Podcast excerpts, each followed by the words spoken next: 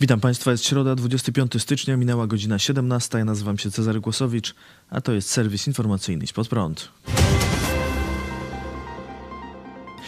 Niemcy zdecydowały, przekażą leopardy Ukrainie. Kanclerz Olaf Scholz ogłosił dziś oficjalnie, że Niemcy przekażą Ukrainie 14 czołgów Leopard. Pozwalało na dostawy także innym krajom. Ta decyzja jest zgodna z naszą dobrze znaną linią wspierania Ukrainy w miarę naszych możliwości. Działamy w ściśle skoordynowany i zgodny sposób na arenie międzynarodowej, powiedział kanclerz Scholz. Niemcy wyślą także amunicję i zapewnią wsparcie techniczne oraz szkolenia. Dyskusja o leopardach dla Ukrainy trwała już od dłuższego czasu. Liderem w tworzeniu koalicji państw, które dadzą Ukrainie czołgi, jest Polska, do której dołączyły inne państwa. Jednak formalnie przekazanie czołgów niemieckiej produkcji wymagało zgody Niemiec, które długo się opierały. W końcu pod naciskiem innych państw i po tym jak Polska zadeklarowała, że przekaże czołgi nawet jeśli Niemcy się nie zgodzą, Niemcy się zgodziły. Pastor Paweł Chojecki skomentował na Twitterze. I honor stracili, i leopardy muszą dać. Tak to zapowiedziałem w telewizji Idź Pod Prąd. Brawo USA, prezydent Duda i premier Morawiecki. Niestety terminy Niemcy podali odległe. Minister obrony Niemiec Borys Pistorius stwierdził, że pierwsze leopardy z tego kraju na Ukrainę dotrą za trzy miesiące. Inne kraje prawdopodobnie będą szybsze. W ramach czołgowej koalicji na Ukrainę może trafić nawet ponad 100 leopardów. Dodatkowo Wielka Brytania zaoferowała kilkanaście czołgów Challenger, a jak nieoficjalnie ustalił Bloomberg, Stany Zjednoczone planują przekazać 31 czołgów Abrams. Nad wysłaniem czołgów Leclerc zastanawia się Francja.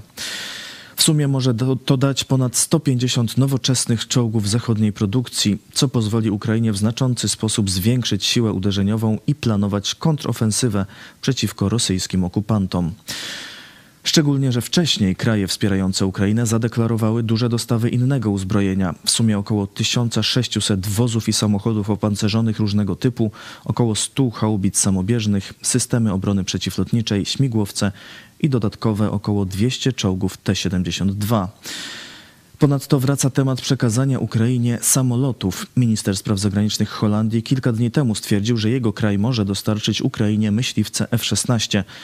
Jednak później premier Holandii Mark Rutte wycofał się z tej deklaracji. Mimo to minister spraw zagranicznych Ukrainy Dmytro Kuleba przekazał dziś, że rozpoczęły się negocjacje w sprawie dostaw F-16 przez kraje europejskie. Sprawa będzie prawdopodobnie dyskutowana na kolejnym szczycie w Ramstein w lutym. Podczas ostatniego spotkania Wołodymyr Załęski powiedział: Spodziewam się, że kolejne spotkania Ramstein przejdą do historii, podejmując decyzję o dostarczeniu Ukrainie rakiet dalekiego zasięgu i samolotów F-16.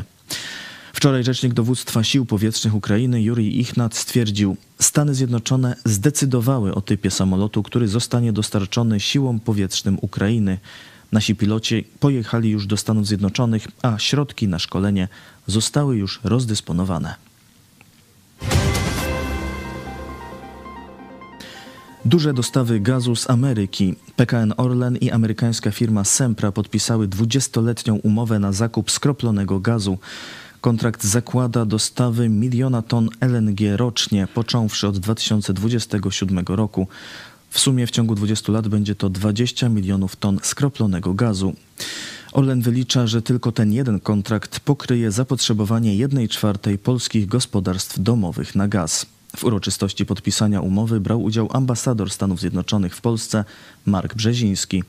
Zaznaczył, że Amerykanie poważnie traktują wspieranie bezpieczeństwa swoich przyjaciół i sojuszników. Określił też Stany Zjednoczone jako najsilniejszego partnera Polski w zapewnianiu bezpieczeństwa energetycznego.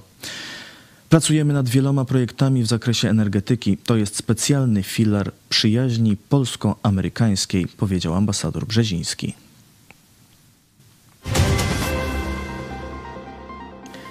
Ukraina wprowadziła sankcje na przedstawicieli cerkwi moskiewskiej, którzy wspierają ludobójstwo.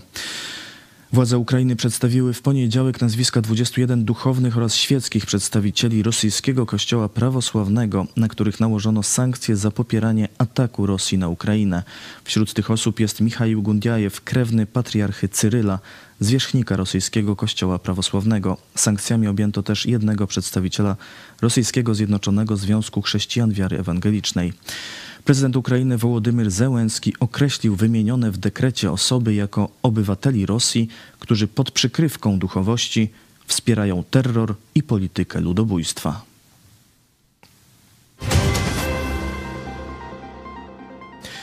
Litwa ostrzega przed Chinami. Minister Gospodarki i Innowacji Litwy Ausrine Armonaite wskazuje, że prowadząc firmę w komunistycznych Chinach trzeba się liczyć m.in. z ryzykiem konfiskaty własności. Uważam, że partnerstwo z państwami i rynkami o tych samych wartościach jak nasze są bardziej stabilne. Jeśli jest to system komunistyczny, to upewnij się, że twoja własność nie zostanie zawłaszczona lub stanie się coś nieoczekiwanego.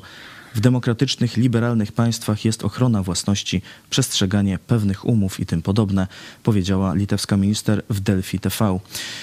Minister zwróciła uwagę, że Chiny stosują wobec litewskich przedsiębiorstw nieoficjalne, niezapowiedziane ograniczenia handlowe. Takie działania chińskich komunistów mają związek z tym, że Litwa postawiła na rozwój relacji gospodarczych z Tajwanem, który Chiny traktują jako zbuntowane terytorium. Jak wskazała minister Armonite, relacje gospodarcze z Tajwanem i innymi krajami Azji, Azji Południowo-Wschodniej dają Litwie znaczny wzrost wartości eksportu.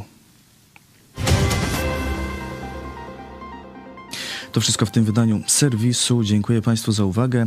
A dziś jeszcze w telewizji Pod Prąd o godzinie 18 reportaż Dzień z życia Kościoła Protestanckiego, gdzie chodzimy w niedzielę. Zapraszam. Do zobaczenia.